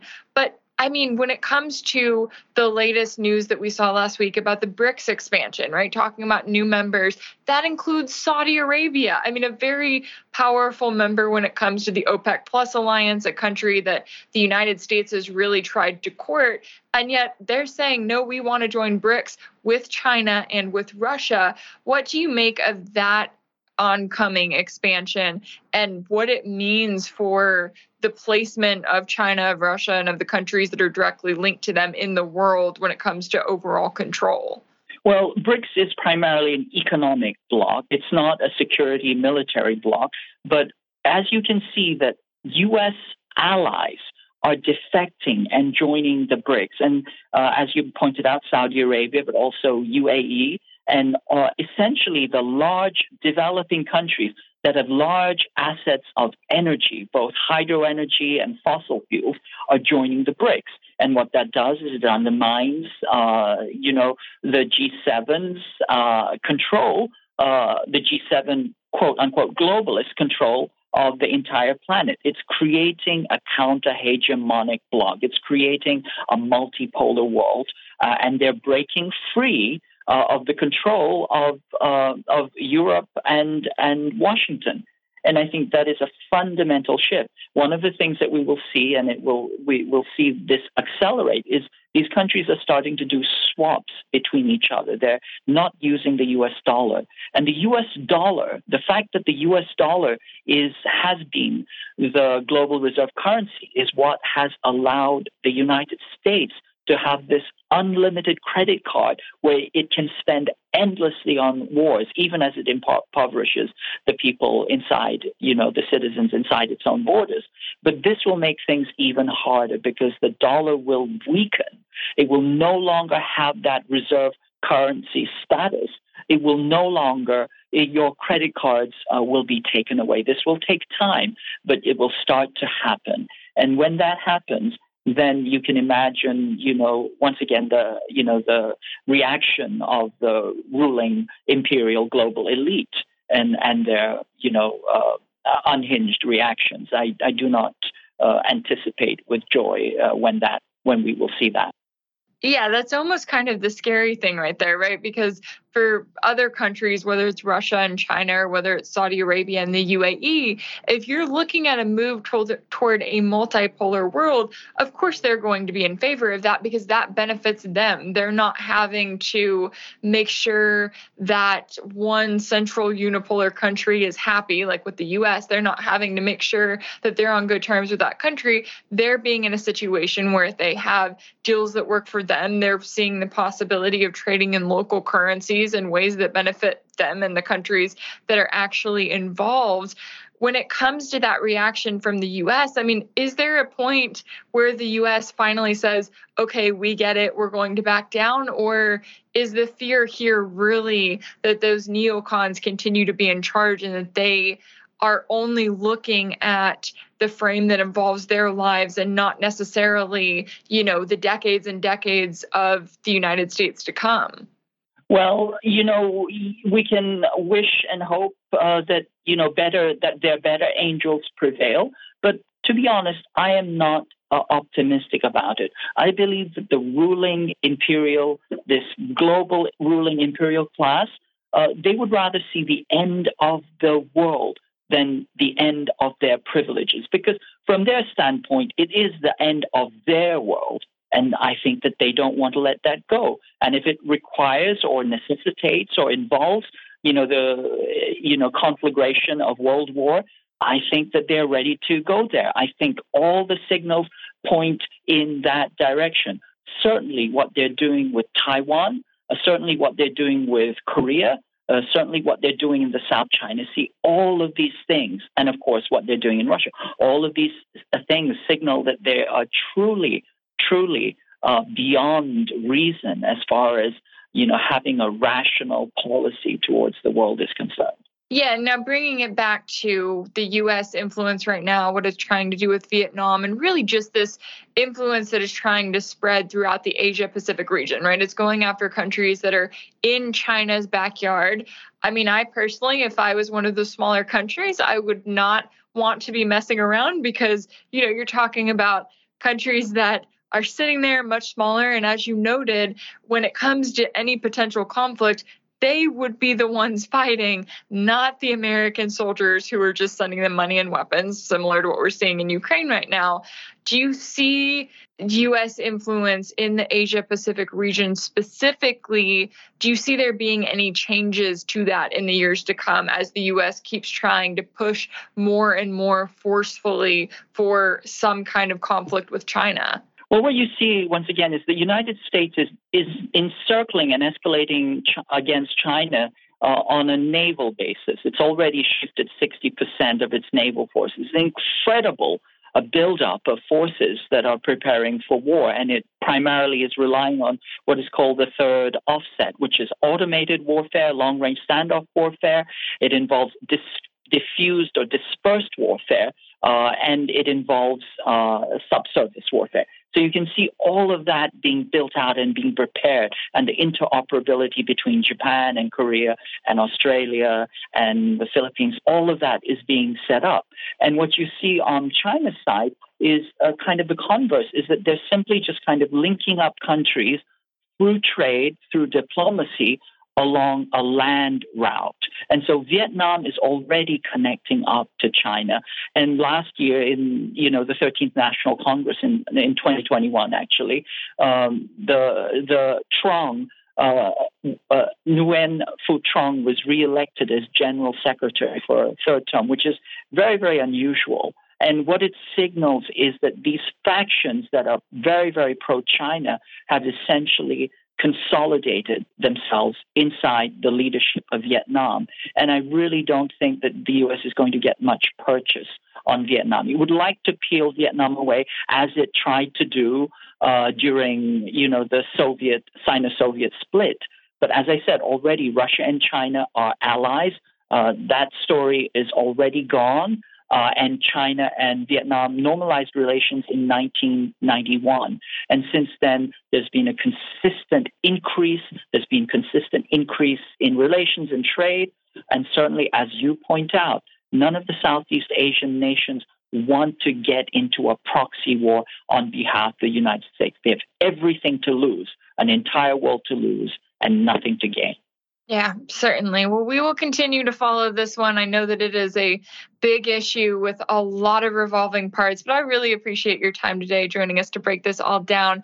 KJ Noh, a journalist, political analyst, writer, and teacher specializing in the geopolitics of the Asia Pacific region. Thank you so much for your time and insight. Thank you. Pleasure to be with you.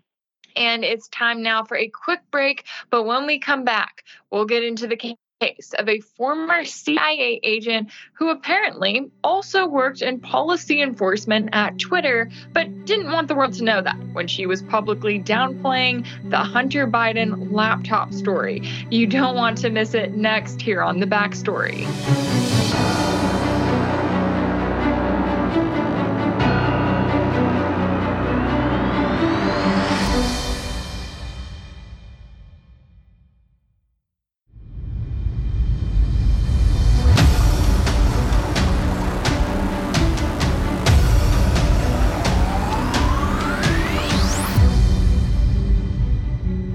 Welcome back. I'm Rachel Blevins, and this is the backstory. Now, our final segment of the day involves a story about spies who lie and who apparently also lie about where they have been working.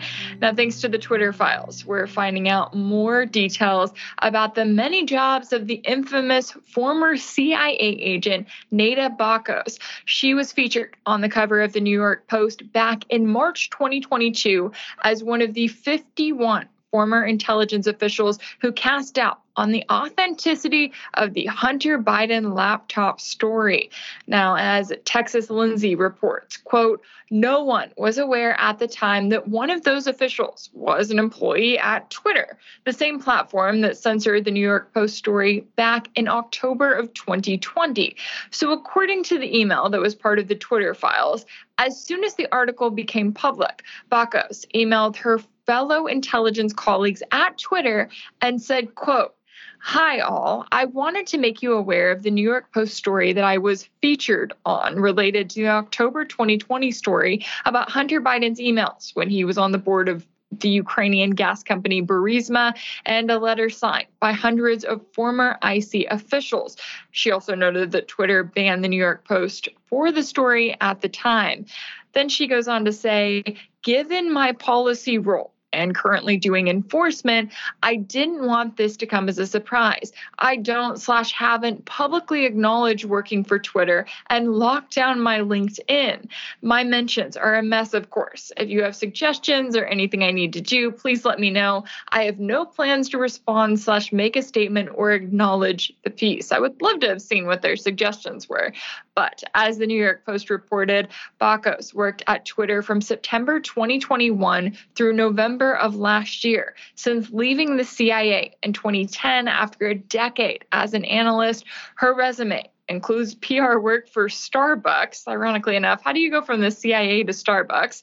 Private consulting and nearly four years as an advisor and fellow at the Philadelphia based Foreign Policy Research Institute, which still lists her on its website as a senior fellow, though her online resume says that she left in January of 2020. Oh, and yes, this is the same Neda Bakos who is widely believed to be the inspiration for Jessica Chastain's character Maya in the 2012 film Zero Dark Thirty, a claim she denies, but okay, maybe she doesn't want to and admit that it is as realistic as the movie makes it out to be, specifically when it comes to those torture scenes. Now, the Post also reported that Bakos worked under former CIA Director Michael Morrell, who helped author the now infamous letter seeking to discredit laptop emails that showed Hunter Biden had introduced his father, then Vice President Joe Biden, to a Ukrainian business partner. In April, the former CIA director told members of the House Judiciary Committee in private sworn testimony that he had been triggered to write the intelligence letter by then Biden's senior campaign official Antony Blinken, now Secretary of State. Bakos also also helped draft the intelligence letter, but the email address she used was with other former officials, and it was redacted in communications forwarded to House lawmakers, according to the New York Post. So let's get into this story with our next guest, Jeremy Kuzmarov, a journalist and author. Jeremy, it's great to have you on the show today. Thanks for having me. Now, it's not surprising, at least to me, that Neda Bakos co signed this letter insisting that the Hunter Biden laptop story was just propaganda. But why do you think she was so quick to want to cover up her connection to Twitter, even documenting that she was hiding it in that email that she sent out? Well, the, the CIA is not supposed to interfere in domestic politics in any way, and that would be a violation of their charter. Uh, if they're monitoring people over Twitter and trying to censor people, that goes against the U.S. Constitution uh, as well as, as uh, the CIA charter again. So it's really an abuse of what the CIA was set up as a, a foreign intelligence agency to gather uh, intelligence on foreign countries and to provide analysis to guide better foreign policies. But uh, we've seen that the CIA has you know, vastly eclipsed what it was set up to do and become this monolith uh, an oppressive uh, agency that trampled on the freedom, you know, spies on everybody, trampled on the freedom even of Americans, along with carrying out, you know, covert operations and uh, supporting regime change and coups and propaganda uh, around the world. And that's really not what it was intended to do. And it, it's an abuse uh, of the U.S. Constitution. Yeah, absolutely. And now, when it comes to, you know, as you mentioned, this is in their mandate, yet we see so many former intelligence officials then go to work for social media companies. It seems to be almost this pipeline that really is not uncommon, especially today. Is this a much bigger phenomenon than most people realize?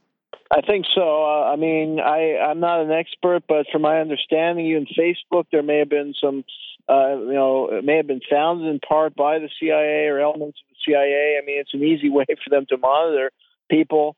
And I think, yeah, they're all over social media, and we've seen uh, extensive censorship uh, going on. I mean, censoring political candidates like Robert F. Kennedy had been subject to censorship uh, extensively, and he testified on Capitol Hill about this. Uh, so, it, you know, it's a worrisome phenomenon. I mean, you know, America as a country values free speech, open dialogue, and debate, and there's no reason uh, they should be censoring people but they, they seem to be doing that. I mean, they understand that the sway that social media can have, and they're all over it. And this is an outrage. The public should fight back against this and ensure free and open internet. Yeah, yeah. And now you go back to, you know, 2021 when Trump was banned from Twitter. At the time, he was the sitting president that they were kicking off the platform. Now they're going after and censoring political candidates what is the long term effect of this? And I know some people will say, oh, well, it's just social media, you know, it's just a platform that's out there. But a lot of people do rely on social media, especially Twitter, as a place to get their news. So, what is the effect of that when you have the platform then coming in and censoring what people can see as it relates to people that they are possibly voting for? Uh, I think it has a big effect, and there's also a stigma they're trying to attach to people like Trump. You know, any candidate that's outside the mainstream or that challenges dominant narratives uh, is subject to censorship or shadow banning or you know demonization. I mean, these uh, figures have also been slandered uh, repeatedly in the media, uh, and you know uh, often they're by censoring their content, know, giving the impression that something is wrong with this person and a lot of people are impressionable, uh, especially young people. You know, young people rely on social media, and uh, they're trying to again attach a stigma to them, and that is interfering in the political process. Uh, what should be open debate. And in many cases, they're censoring people for uh, for no good reason at all. I mean, Robert Kennedy wrote a whole book analyzing uh, the COVID affair and some of the corruption that went on at the gain of function research, and that's why they're censoring. They're trying to cover up, you know, probably a covert operation that led to the manufacture uh, of the COVID virus. And you know, the same thing with the Russia war in Ukraine. They're trying to censor people or, or label them as pro-Russian propaganda when they're challenging the dominant narrative of the war. And more and more information is coming to light that, that show that they're you know those who are challenging the dominant narrative are correct. I mean, everything we've been told is lies about that war. Uh, so they're censoring people who are telling the truth, and that's outrageous. Yeah, and it's interesting because the way that they do it is they don't come out and they say, hey, we are censoring this topic because this defense contractor and this you know private interest or the special interest rather doesn't want to see it doesn't want you to believe it they use terms like disinformation and misinformation. So they come out and they say oh no we're not going to allow any you know covid related disinformation or ukraine related disinformation. And by doing that they almost condition the public in a way so that as soon as they hear that word, they automatically just don't question it any further. They just say, oh, okay, well, it's disinformation. I was told that that's bad. So now I have to stay away from that.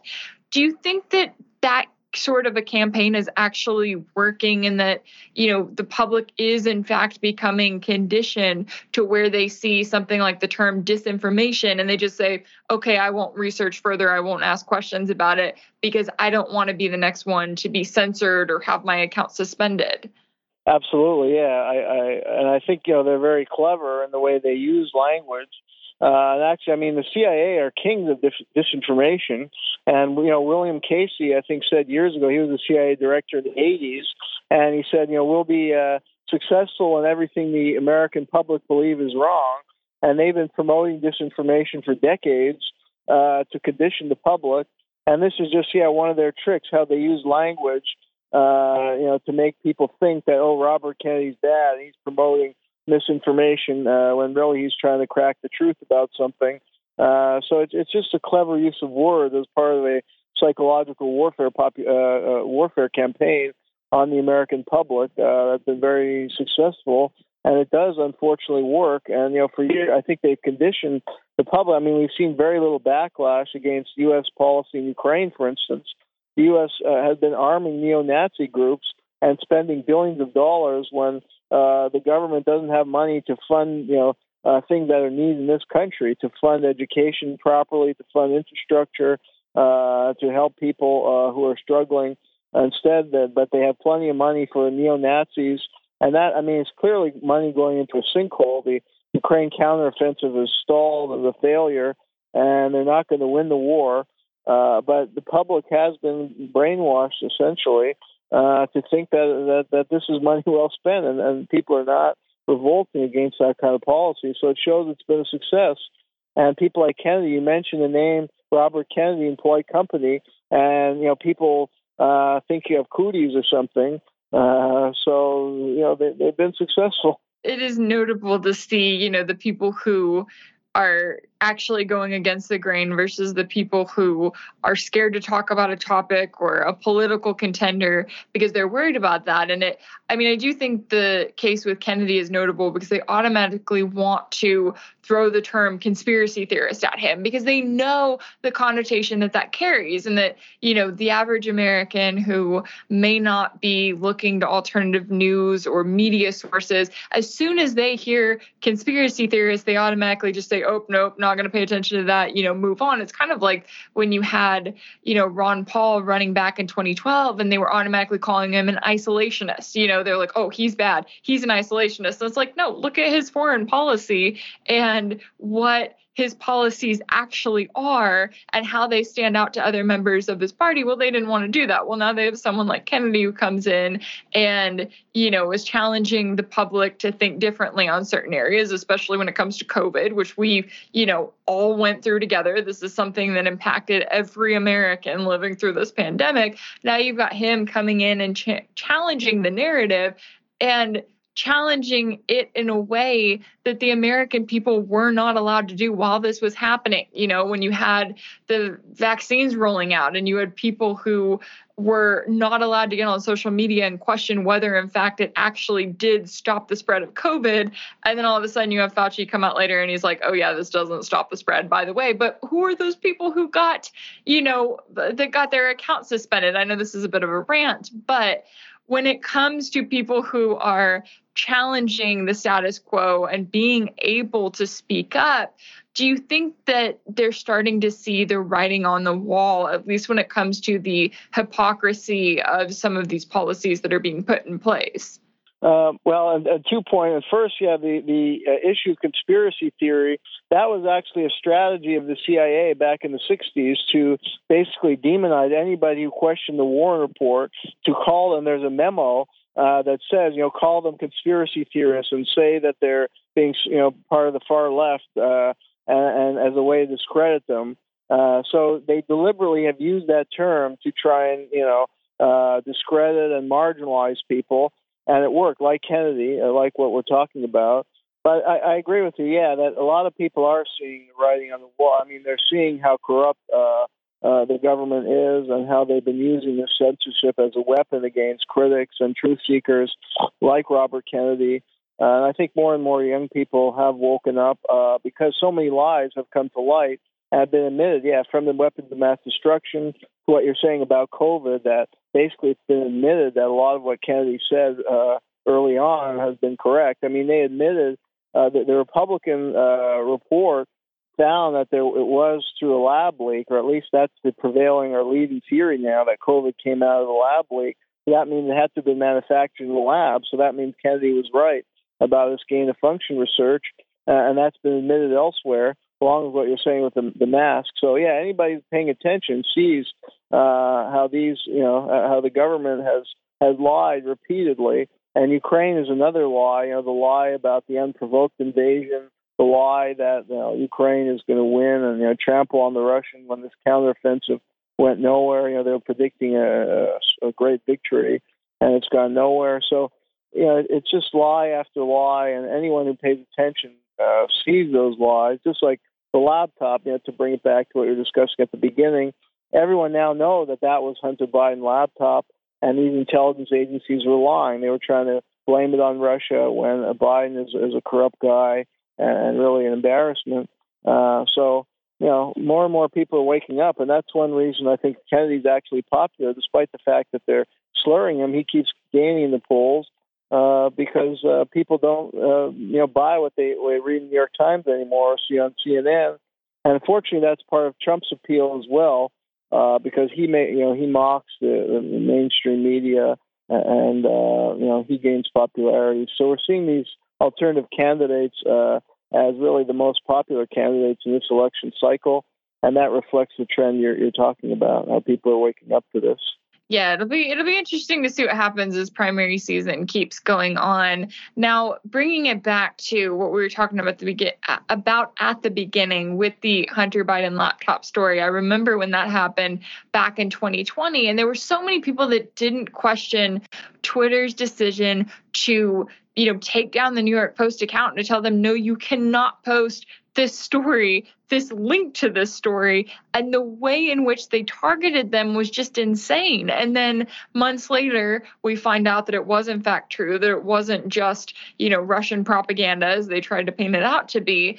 And then all of a sudden, the question is, would Americans have voted differently if that information had been able to come to light, if they knew what we now know about the Biden family and their business dealings, and about the fact that this isn't propaganda, this is something that was very out in the open. Both Joe and Hunter documented it very well, and then now we're finding out more and more about that.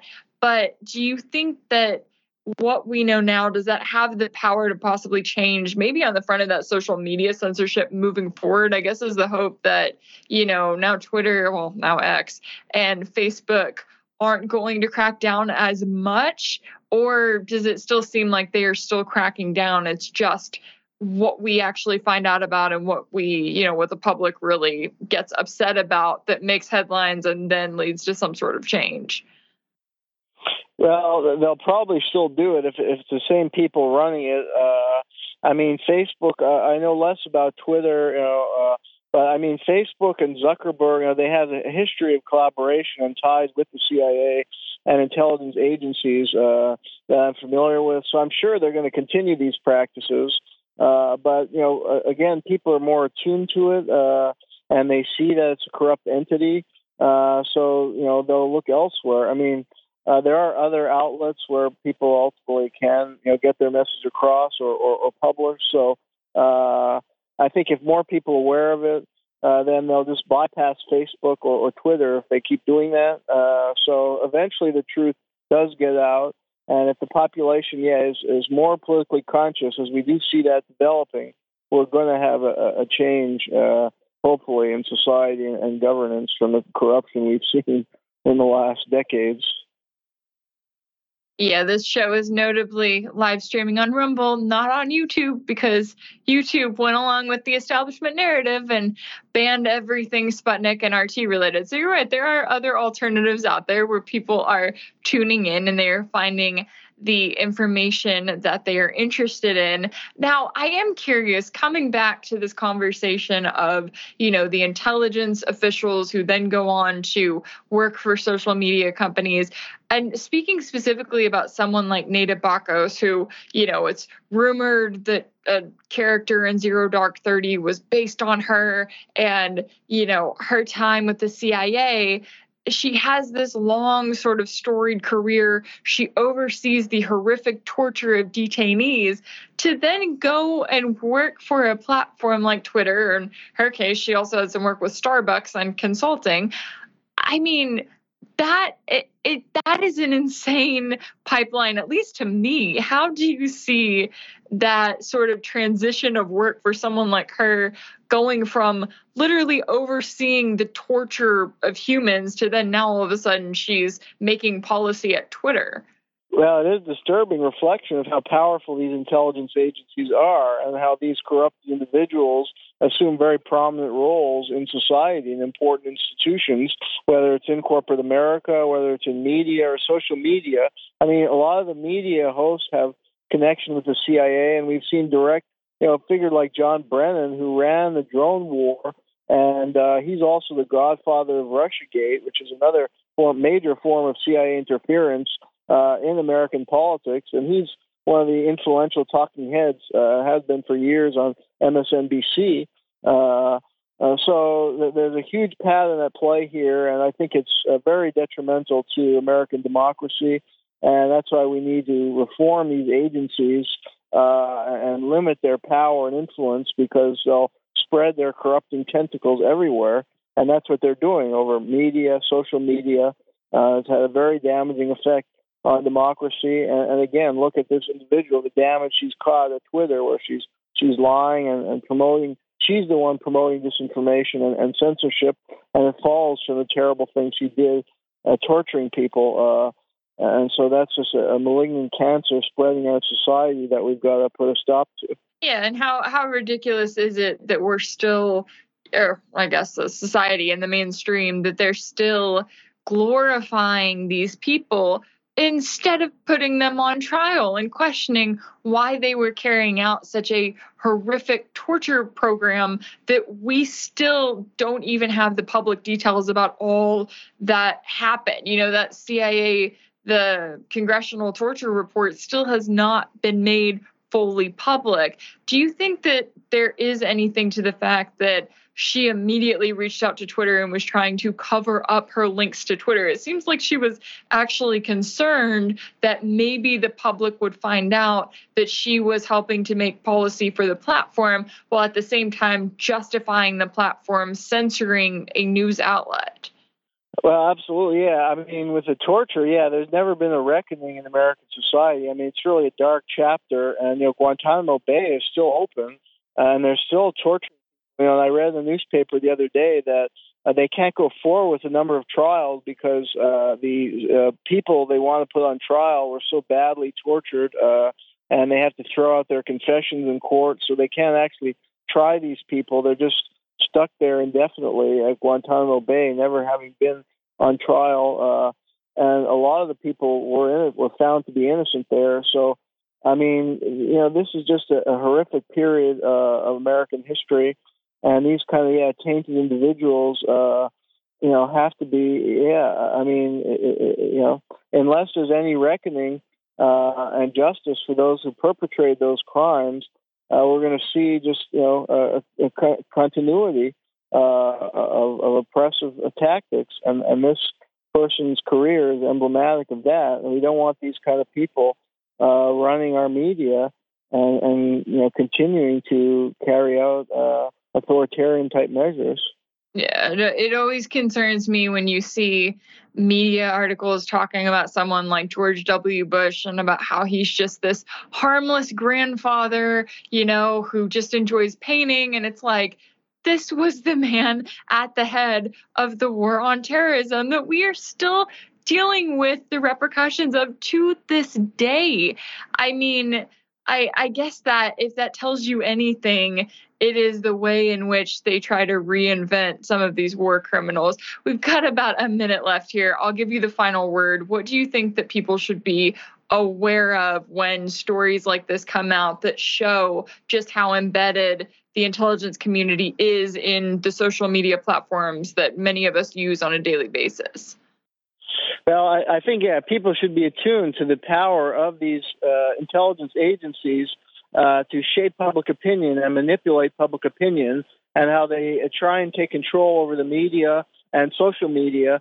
So we need to push back against that. We need a, a church type hearing to investigate what they've been doing uh, and a movement to prevent that, and for a free internet and for a free press and media yeah, there certainly is a lot at stake here, but I appreciate you joining us to break this one down. And who knows, maybe Neda Bakos will be listening along to all of this conversation about the the crimes that she has committed and the ways in which they're impacting the public.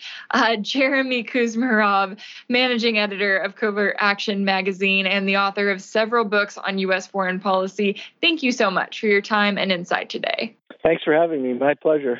And that's all for today's show. Be sure that you're following the backstory on Rumble. You can also find me on Twitter and on Telegram at Rach Blevins. And if you subscribe to my Telegram channel, be sure to join the group there.